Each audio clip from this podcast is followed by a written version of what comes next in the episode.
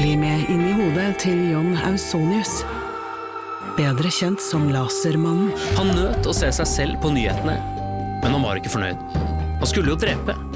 Det samme året skulle han skyte to mennesker til, før han omsider oppnådde målet om å drepe. Hør på innsiden av Psykohoder med Jonas Alf Oftebro og rettspsykolog Susanne Nordby Johansen. Gratis der du hører podkast.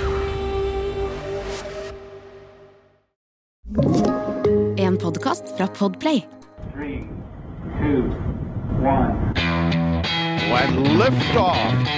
One, two, three, four, five, five, four, three, two, one. Enter bed. Okay, we checked all four systems, and there you go on modulation, all four, and keying with a go. Quality base here. The Eagle has landed. Din kilde til nyttig og unyttig informasjon om eh, verdensrommet og alt som er relatert til stjerner, planeter, eh, romskip som eksploderer, som eh, kommer opp fra plattformen, og som ikke alltid kommer opp fra plattformen. Så også utvinning av øh, stoff fra verdensrommet. Dette er romkapsel. Det er det. Og altså, etter sommerens lille runde gjennom solsystemet, så har jo de Vi har altså da fått litt spørsmål, og det syns jeg er veldig hyggelig. Altså, og det er rett og slett Altså, denne turen gjennom solsystemet ble jo litt kort, som for eksempel én uh, lytter påpeker. Uh, jeg, altså, jeg har nettopp snakket om eh, Neptunmånen Triton, som er stor og spesiell og har sånn isvulkaner. Den har også en veldig spesiell bane. Den går i feil retning rundt eh, Neptun, en såkalt retrograd bane, som er spennende og rart. Men det er altså sånne ting som vi ikke rakk i denne sommerspesialrunden vår, som jeg heller kan komme tilbake til. Og der, Derfor er det så rart at det er kommet spørsmål, for det er sånn oppfølgingsspørsmål. Så sånn, ja, men hvorfor Altså, jeg har Det dere sa der, fikk meg til å tenke. Det syns jeg er kjempekult. Og, Ja. dagens, og dagens første, han har tenkt mye. Det kan jeg bare si. Han, dette, kom, dette kom til meg på mail. Eh, og Marius, som han heter, han og jeg, vi maila litt frem og tilbake om Ja, jeg foreslår at her blir det litt høytlesning, eh, Ja, Nils Johan. Ja, vi kan ta litt høytlesning. Og jeg må bare si at det er jo det Det er jo fint da at eh, når folk sier sånn Dette fikk meg til å tenke, og, Ja. og Oi, nå har jeg oppdaget at dette er jo spennende, som det var da jeg var barn. Nå er jeg tilbake på kjøret. Topp stemning. Veldig bra. Mm. Det syns jo vi bare er eh, hyggelig. Og eh, alle spørsmål av høytsvevende karakter, eller mer konkrete greier, er jo ting vi liker. Eh, For da kan jeg lese opp spørsmålet, og så kan Eirik eh, komme med, med svaret. Eh, Ytterst, ytterst få ganger så, så har jeg et godt svar. Men ok, her er det Marius. Hei! Jeg går her i slutten av sommerferien og hører på sommerpodkasten deres om sonder til kometer. Da begynner jeg å lure på om noen har tenkt på å hente ut masse fra kometer. Det nevnes jo i samme episode at gruvedrift på asteroider er en potensiell greie. Ja, det blir sånn Belta Lauda og Expanse og Ja. Eh, Kunne man sende ut sonder med store skjold, formet som halve sylindere, hvor massen går inn i sylinderen, treffer skjoldet og fordamper, dampen blir sugd inn i beholdere. Dette blir så prosessert til vann og andre materialer som skip på tur i solsystemet kan dokke med å tanke opp vann og eventuelt alt man kan lage av vann. Noe lignende må vel ha vært tenkt på tidligere? Jeg syns det morsomste her er jo at Marius har en veldig konkret oppfinnelse. Han, så han, altså en, en, en konkret metode. Her er det bare bare begynne å sveise. Og, og det er mulig at han skal hvis han, altså, i- Jeg har sett varianter av det. Jeg har sett um, forslag om å delvis eller helt kapsle inn uh, små asteroider og kometbiter i sånne sylindere for å utvinne materiale fra dem. Kanskje ikke det der med å eh, Altså, hvis Bare fordampe hele ja, greia altså, for, at, for, at noe, nemlig, for at noe skal fordampe, da trenger du kanskje så stor fart at du kan fordampe mer enn liksom bare selve kometen. Ja. Men dette med å hente ut materiale fra kometer, ja, det er ting folk har tenkt på. Og det er jo selvfølgelig fordi at altså, kometer er der ute, eh, vi, vi skal etter hvert ut dit. Asteroider er der. Grunnen til at man har vært mer opptatt av asteroider enn kometer, det har nok først og fremst å gjøre med at det er mange flere asteroider. Det er rett og slett mye, mye vanligere. Og det andre er at asteroider stort sett går i ganske sirkelrunde baner, ganske nær sola. De fleste av dem går mellom Mars og Jupiter, en, men massevis, vi snakker om tusenvis, kommer jo nær jorda. Det er disse her jordnære asteroidene som vi av og til er litt redde for. Det vi skal, er det nå jeg skal begynne å synge? Kom igjen! Uh, nei, jeg skal ikke Ikke sant? Ok. Nei, jeg kan Hvor, ikke. hvor, ikke irriter vår lytter i gata. Nei, nei, jeg skal ikke gjøre det. Ikke gjøre Eh, men, men uansett, uh, så, så, så fokuset på asteroider det har noen sånne praktiske årsaker. Og det er asteroider har ganske jordnære og eh, forutsigbare baner. Kometer kommer stort sett fra det ytre solsystemet, veldig avlange baner. Og det vil si at de er veldig lenge, veldig langt fra oss, og så kommer de, når de kommer nærmer seg sola, så flyr de i rasende fart, suser rundt sola og svipper ut igjen, og så er de langt ute i, i sånn is, det tomme, iskalde mørket der ute. Og er der ofte i hundrevis av år. Og det gjør at liksom, kometer er mye mindre sånn sannsynlig å treffe på, pluss at farten deres er så høy at du kommer til å bruke noe sabla mye brennstoff for å møte dem. For det er den, det regnestykket. Altså, han, altså um, Marius har helt rett i at man jobber jo mye med dette her med å bruke lokale ressurser. Vi har Ja. snakket om ISRU, eller Isru, ikke sant? Ja, ikke sant? På Mars. in situ. resource utilization. Nemlig. Ja. Og det er det vi skal gjøre på månen. Det er det Artemis skal gjøre på månen. Finne ressurser på månen som kan utnyttes. Det er faktisk vann der òg, for han, han snakker jo dette om vann, muligheten for å bruke vann, fordi kometer er mye is. ikke sant? Men eh, grunnen til at man da eh, har fokusert på månen og Mars, det er igjen at her, her vil ressursene være relativt nær der folk bor. Det er jo planer, planer om å ha baser der. Mens det å ha ting som går ute i solsystemet, som suser av gårde i sin bane, og så fly et romskip dit, og så tanke opp Det kan hende at du bruker mer brennstoff bare på å dokke med den der stasjonen. For det må du gjøre. Du må jo, for det er jo altså her kommer jo science fiction-filmer inn og roter det til for oss. For at når du ser på Så å si alle science fiction-filmer bommer på dette. Det er sånn du skal, du skal møte noe i rommet, og det er bare å fly ut, ikke sant? Du bare støter Altså, ja, og der ute er en komet. Vi bare flyr dit.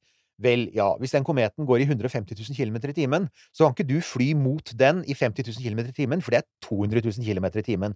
Du må komme opp bak den, snike deg bakfra. Så du må først ta igjen 150 000 km i timen, og så skal du fylle opp tanken din.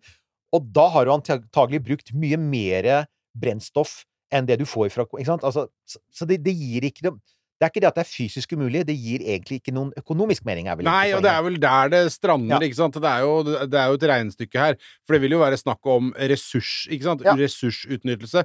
Man ønsker å hente ut ressurser, og da er jo poenget at da må man jo bruke mindre ressurser eh, inn for å hente mer ressurser ut. Ikke sant? Eh, Hvis det skal lønne seg i en sånn blårussperspektiv, som selvfølgelig er helt avgjørende for denne type ting. Det er akkurat det.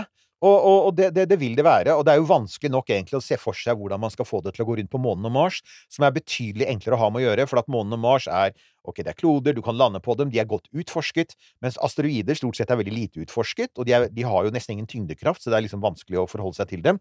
Og kometer er enda dårligere kjent. Altså, eh, en komet med massevis av is på overflaten vil antagelig være en ganske sånn fersk komet for oss. Og, og vi vil vite, vil veldig ofte vite veldig lite om den. Og så er det en ting til, og det er jo at kometer kan ha Altså fordi de er såpass løst sammensatt, og de består da mye av is, og når de varmes opp, så kan denne isen bli til damp. Og da får du sånne jetstråler som gjør at kometbaner også forandrer seg. Og det er enda en sånn ting som gjør at dette er ikke bare en bensinstasjon, det er en bensinstasjon som 99% av tiden er altfor langt unna. Og når den da endelig nærmer seg sola, så kommer den i rasende fart, men det er ikke engang sikkert at du veit hvor den går hen. Så da Og er hvis du er i nærheten av det, så kan det hende at du får deg en liten smell. Ja. Så det er sånn totalt uforutsigbart. Det er som en sånn uh, rabisk ku. Eller hva sånn der Hva var det det som var eh, skrapesyke Nei, hva var Ja, det som ja, de ja, ble ja. gærne sånn eh, Ristekur, Ja, riktig. Kugalskap. Ja, Jakob, Jakob. ja. Ja. Ja, ikke sant? Og det eh, Det å skulle da bruke milliarder av dollar på å komme seg til en sånn, det, det blir jo Det blir dårlig butikk, rett og slett, når eh, grunnen til at man skal dit, er butikk. Det er helt sant. Eh, I så måte så er det altså Mars og månen mye mer pålitelige. Apropos pålitelig måne. altså må bare fortelle deg, altså En del av jobben min er jo å svare på e-poster fra dere, og også en del på telefoner. Og da er det gjerne mye eldre folk som ringer. Mm. Uh, og og det, det, er mye hyggelig. Altså, det er mange morsomme telefoner. Og så er det telefoner med folk som selvfølgelig har motbevist Einstein, og dessuten vet, sier at aliens bygger pyramidene. Dere vet hvem dere er. og dere vet også at jeg hører veldig høflig på, men eh, det, dere klarer ikke som, som dere, Hvis dere har hørt forrige episode, dere klarer ikke egentlig å overbevise meg. Men så fikk jeg en telefon her eh, i forrige uke som var helt nydelig. Og det var en eldre kar som ringte, og så sa han du, jeg har et spørsmål. Jeg håper ikke jeg plager deg, sa han. Nei, så jeg er på vei til foreldrene mine, men jeg rekker å ta et raskt spørsmål. Å ja, ja, nei, du må få besøke dine gamle foreldre. Ja, sa jeg, det må man. Uh, jo, han, han lurte på um, hvor var det blitt av månen? Og jeg bare eh? Ja, nei, månen er borte. Så jeg, har du sett en film som heter Moonfall? med sånn derre så- Ja. For den påstår jo at månen kan falle ned, så jeg den er der fremdeles, er sist jeg sjekket. Og sånn Nei, han hadde han så ut av vinduet sitt hver kveld eh, nå om sommeren, og, og han hadde ikke sett månen på flere måneder, så han bare lurte på om den var blitt borte. Og det er klart, jeg tenker da Ja. sånn, ok, er han han var, bare han var helt krystallklar. Dette her var ikke en fyr Ja. som var forvirret eller på noen måte. Han, han hadde sett mye på himmelen, og han hadde sitt faste utsiktspunkt som han likte å se på månen på kvelden når han skulle legge seg. Han likte å meditere litt i månen, men den var bare borte. Og da tenkte jeg ok, greit, dette er faktisk helt seriøst. Og det som viste seg, da hadde, altså, da, det vi gjorde på telefonen, da, var å gå igjennom altså, hvor han bodde, hvilken retning som vinduet hans pekte, himmelretning. Dette er tips til alle dere som rapporterer inn ufoer også. Dette er veldig viktig. Hvor er det du ser det fra? Hvilken retning ser du mot?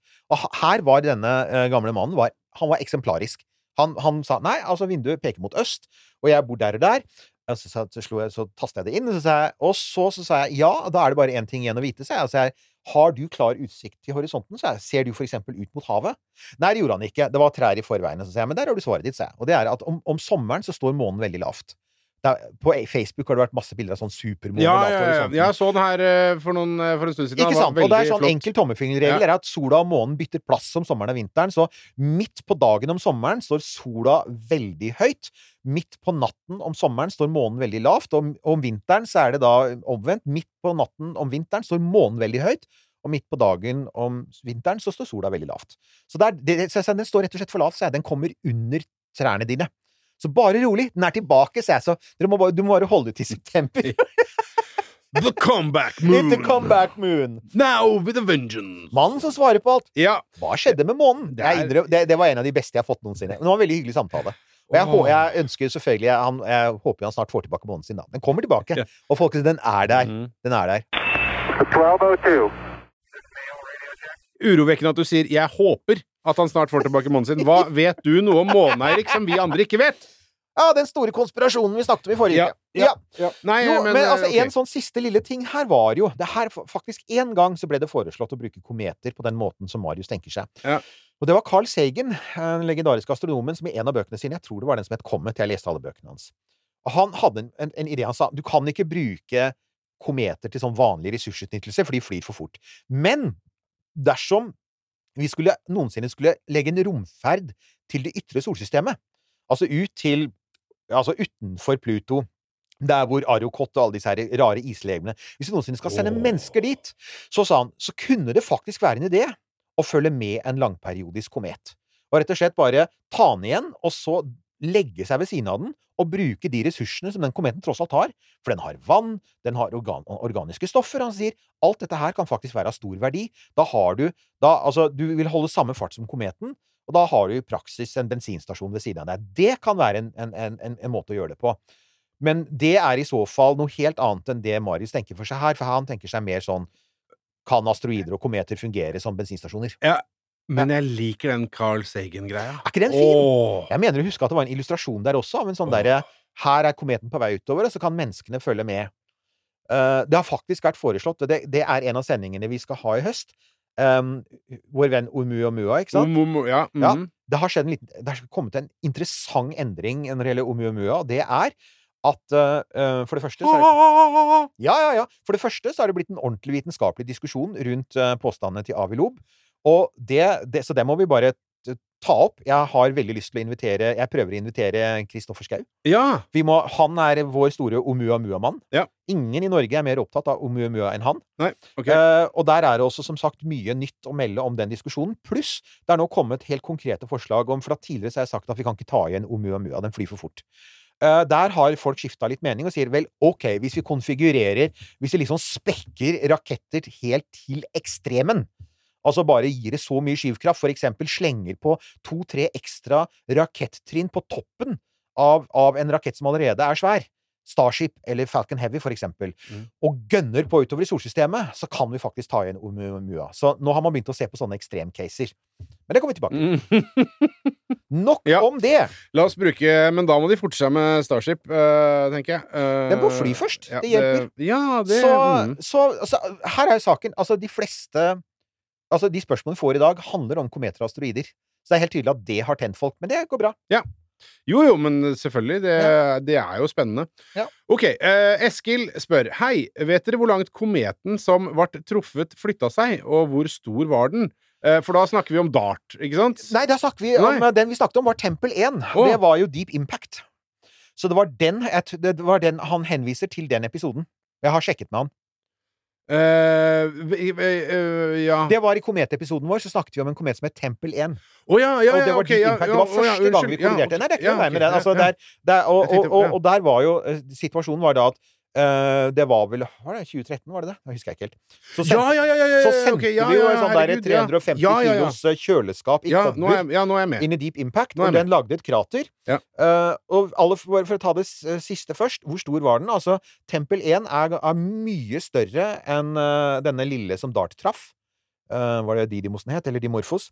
Eh, den, var, den var svær. En typisk kometstørrelse. Altså en 7,5 ganger 5 km. Litt som en svær potet. Ja. Rett og slett. Og, og, Litt, litt som en svær potet, ja. Svær, veldig, Veldig svær potet. Og faktisk, potet. denne her Tempel 1, den, den er blitt fanget inn i bane i det indre solsystemet, så der er veldig mye av isen gasset ut. Så den er veldig mørk, faktisk. Den er ikke, den er ikke lys lenger. Den har, reflekterer bare 4% av sollyset, som er mye mindre enn for eksempel jorda gjør. Men eh, Tempel 1 er altså uh, Den er en helt normal komet. Beregna fartsforandring det er Jeg måtte sjekke opp dette, da. Det er 0,0001 millimeter per sekund, og det er 100 000 ganger langsommere enn en helt vanlig hagesnegle.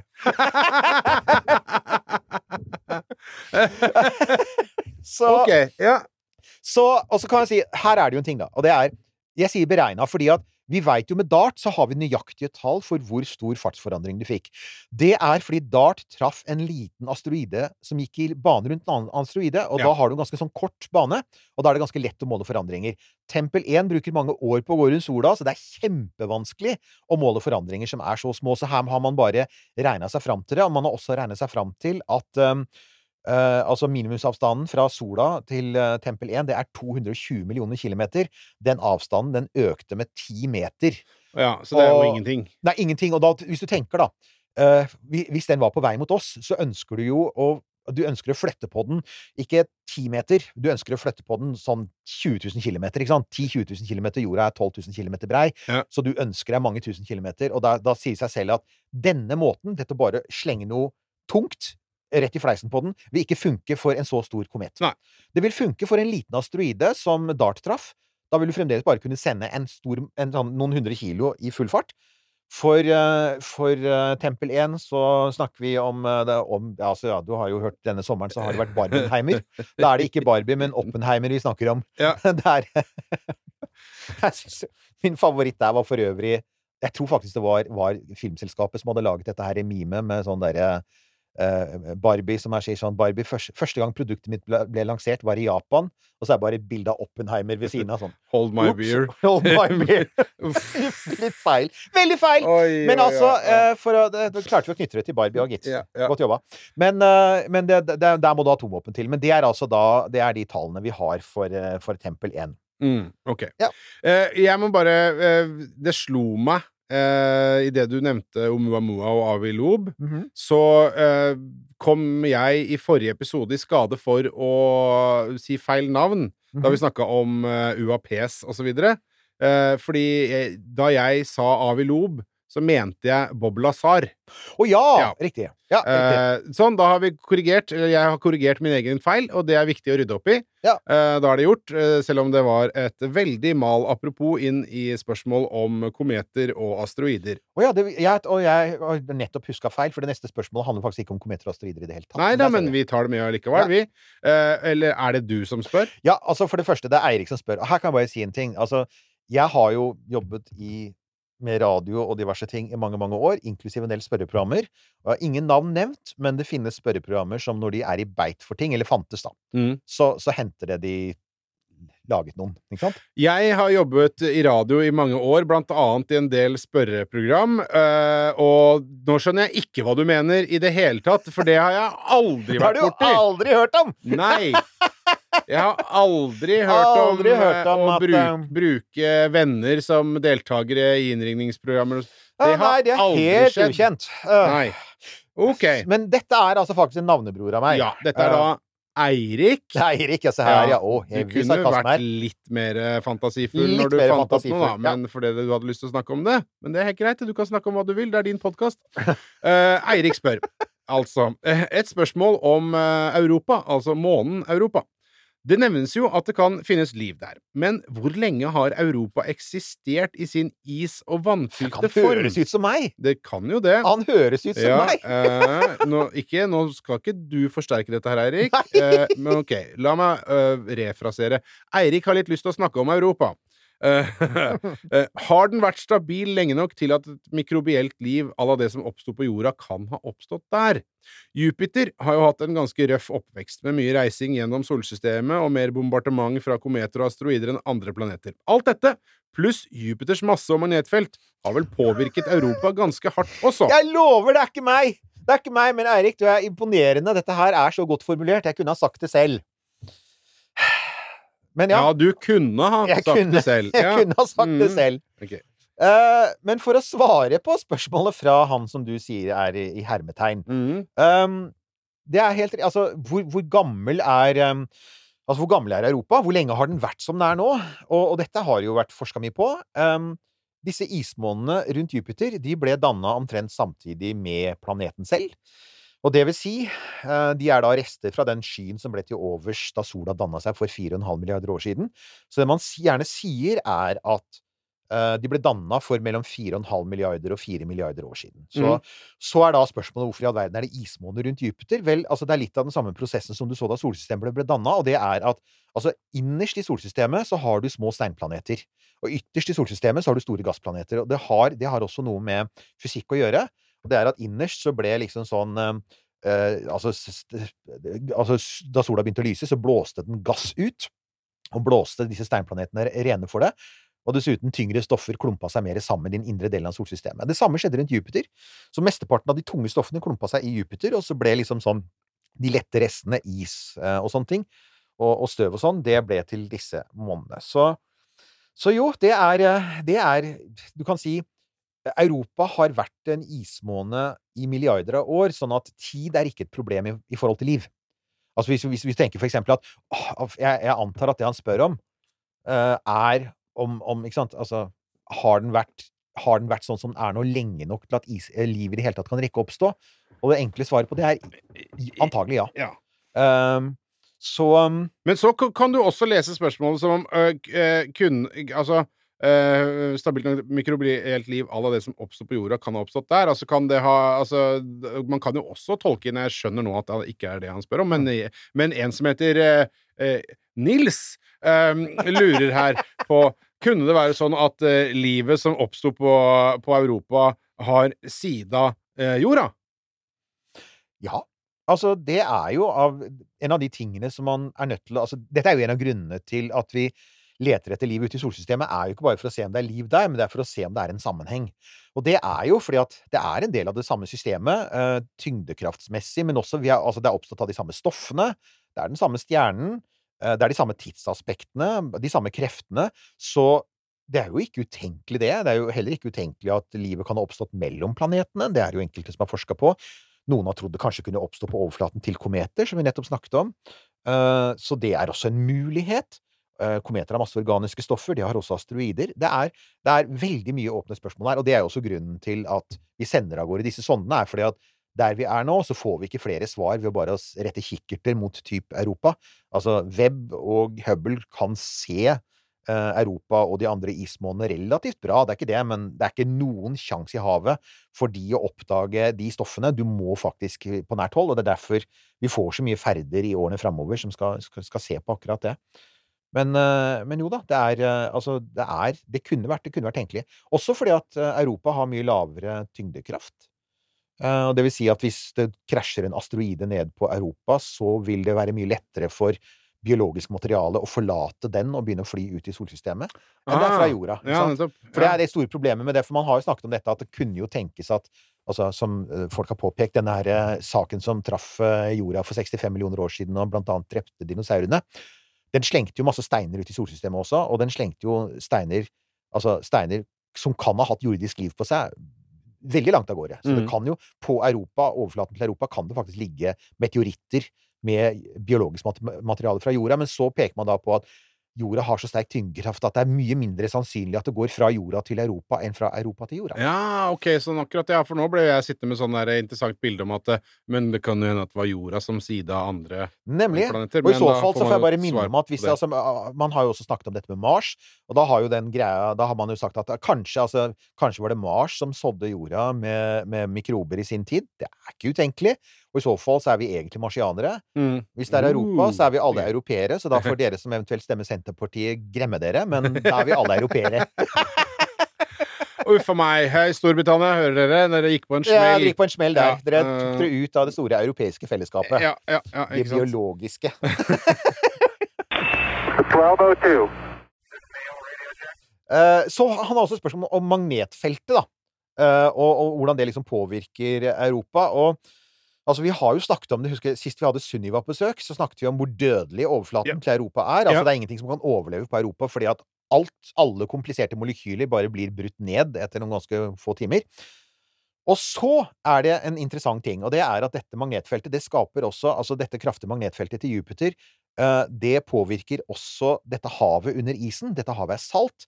Det fører til at det dannes strømmer, elektrisk strøm i det salte havet. Ikke veldig sterkt, men disse strømmene er sterke nok til i sin tur å generere et lite lokalt magnetfelt, og det påvirker Jupiters magnetfelt tilbake. Og hvorfor er dette viktig? Jo, fordi disse, dette magnetfeltet til Europa er et av de viktigste tegnene vi har på at det er et hav under isen. Ja. Så det er en av grunnene til at vi vet det, for at vi har jo ikke sett det. Eh, Vi har sett sprekker i isen, men det behøver jo ikke bety at det er vann under. Men en av grunnene til at man tror at det er vann under, det er jo faktisk at man ser dette rare magnetfeltet. Og det er jo da en av grunnene til at NASA, altså um, ESAs Juice, skal jo til de andre ismånene, men NASAs Europa Clipper skal jo etter hvert Den skal vel opp i løpet av et år eller to, jeg husker ikke helt. Den skal jo da av gårde til, uh, Til Europa. Ja, til Europa, Europa for blant Clipper. annet å kartlegge.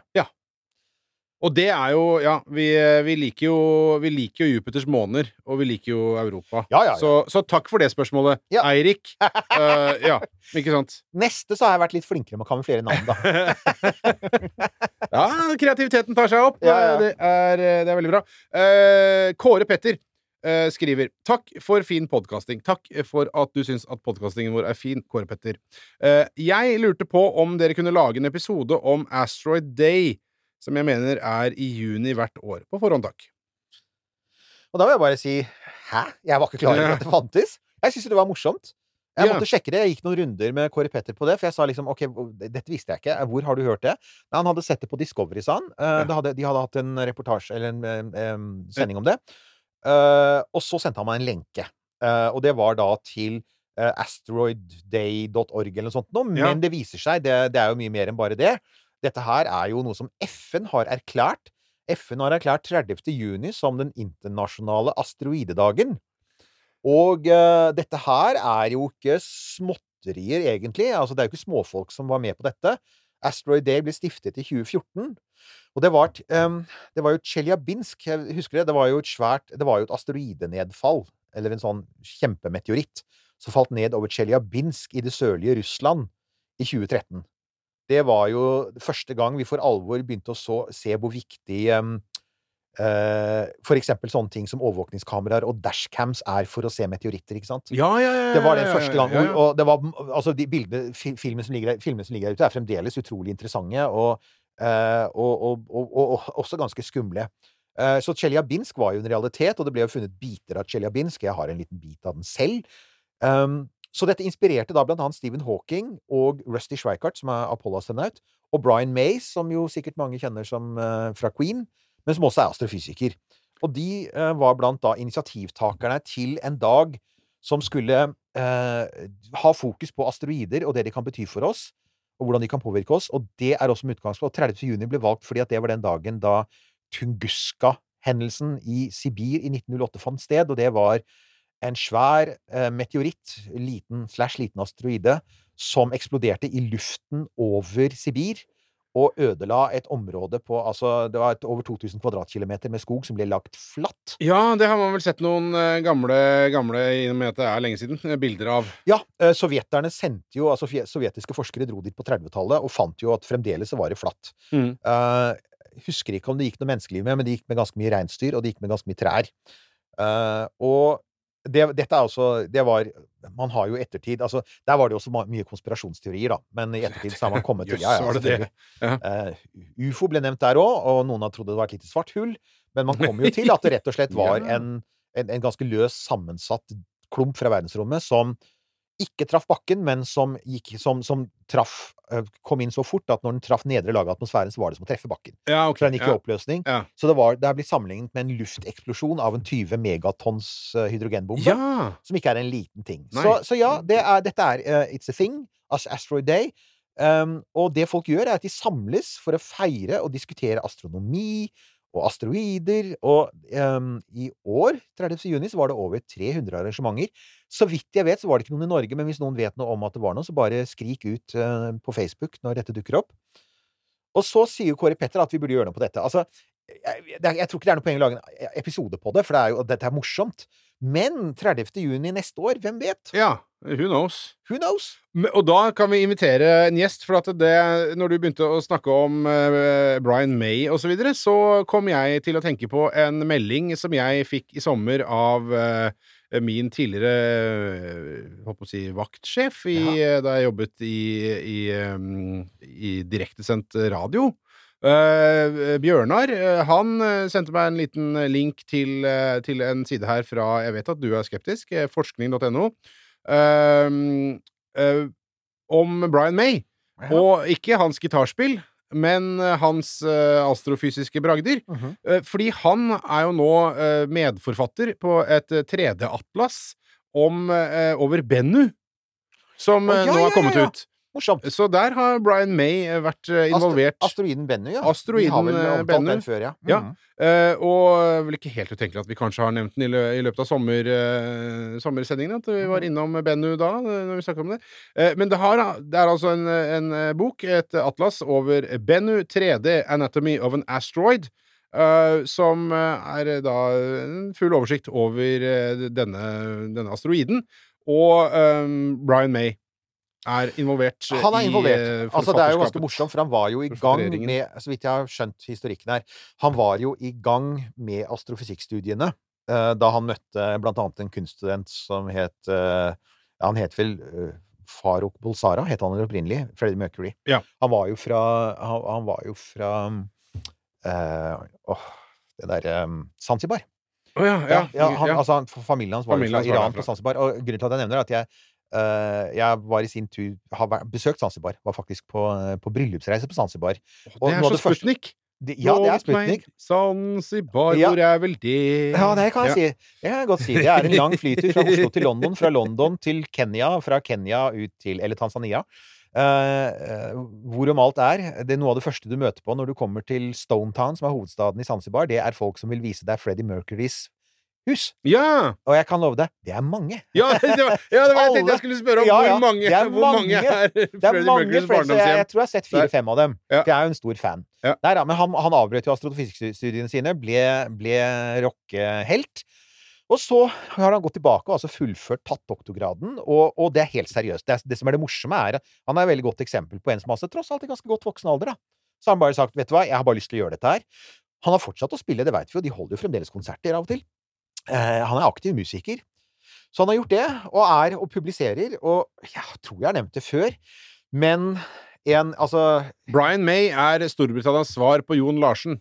ja, og det er morsomt du sier det, for at Jon Larsen er via Jon, som jeg jo fremdeles har litt kontakt med.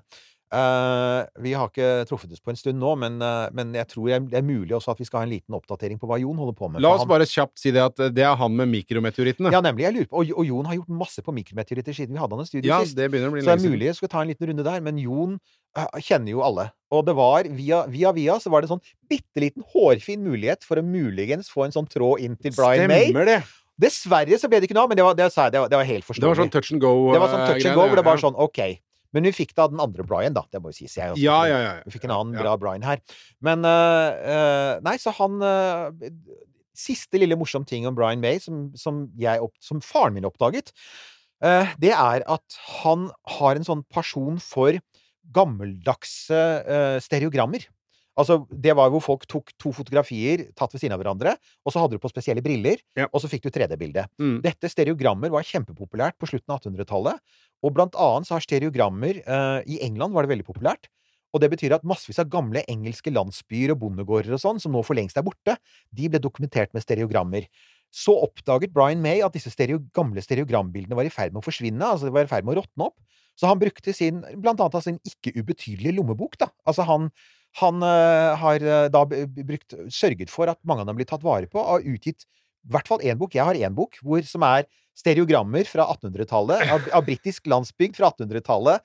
Med, med, Følger med briller? Medfølgende briller Ja. av Brian May. Så ja, jeg har liksom sånn Astronomisk publikasjon, musikken hans og stereogrammene hans. Og jeg synes dessuten han har dessuten slåss veldig mye for grevlinger, så han er en kul fyr. Uh, det er litt sånn, eh, bare sånn apropos det, jeg har eh, et eller annet sted hjemme så har jeg en sånn gammel eh, stereogrammaske.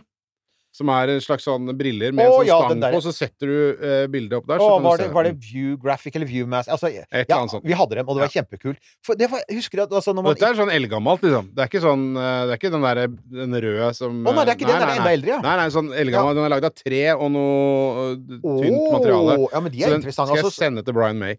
det skal du gjøre, for Ja. de, altså, de kan til og med ha en sånn viss sånn Hvis Brian May stiller opp eh, her, så skal han få den som gave.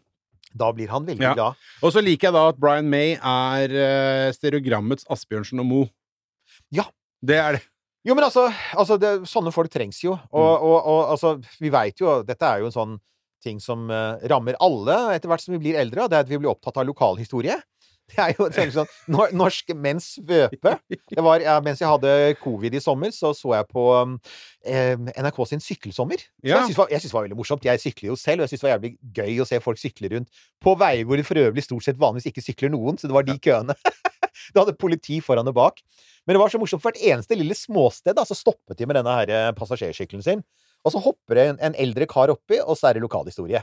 Ja. Altså, tenkte, ja, men det er, altså, Blir du over 60-65 i Norge, så er det lokalhistorie. Og Brian May han fant en jævlig fruktbar måte å gjøre lokalhistorie på.